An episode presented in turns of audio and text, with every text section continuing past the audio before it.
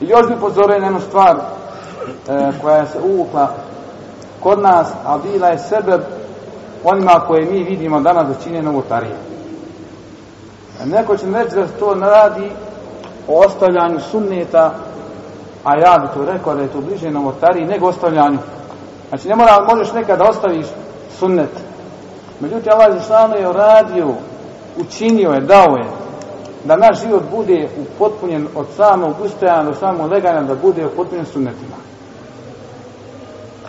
Najmanje hiljadu suneta je dnevno, koje čovjek možda pratikuje da je možda nekad i ne osjeti. Hiljadu suneta je dnevno. Ako mi to podijeli, vidjeli bi da u minutu postoji nekoliko suneta. Prilikom jela je samo 25 suneta. Sjedneš za zadnje minute, pojedeš srednjičku, 25 suneta je dnevno.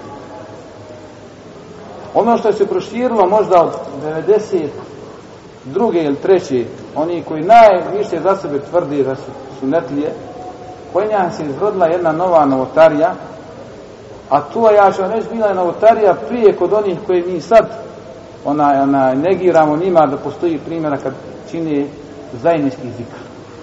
Mi svi kažemo da je to zajednički jezik novotarija. Kažemo ili ne kažemo? Pogledajte kada je džuma, A nas da kad se radi o akšamu i sabahu, kad treba da sjedimo, da ozikrimo na dio zikra posle namaza, šta većina uradi nakon predatog selama i mama?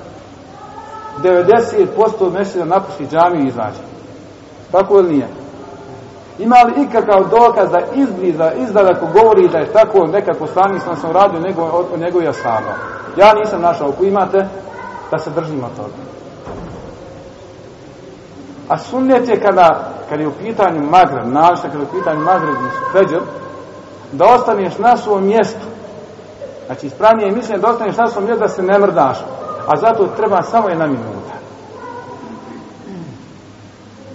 Nakon, znači, što predaš se, nakon, imam, nakon što predaš se, lam.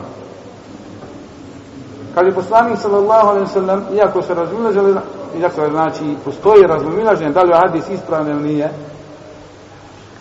Znači, kad imam predan selam, kaže poslanik sallallahu sallam, ko kaže, men kala ašem abrati la ilaha in Allahu vahdahu la šerike leh, lahul mulku wa lahul hamdu wa huwa la kulli šein qadir, wa huwa sanim riđlejhi, wa lam yetekellem.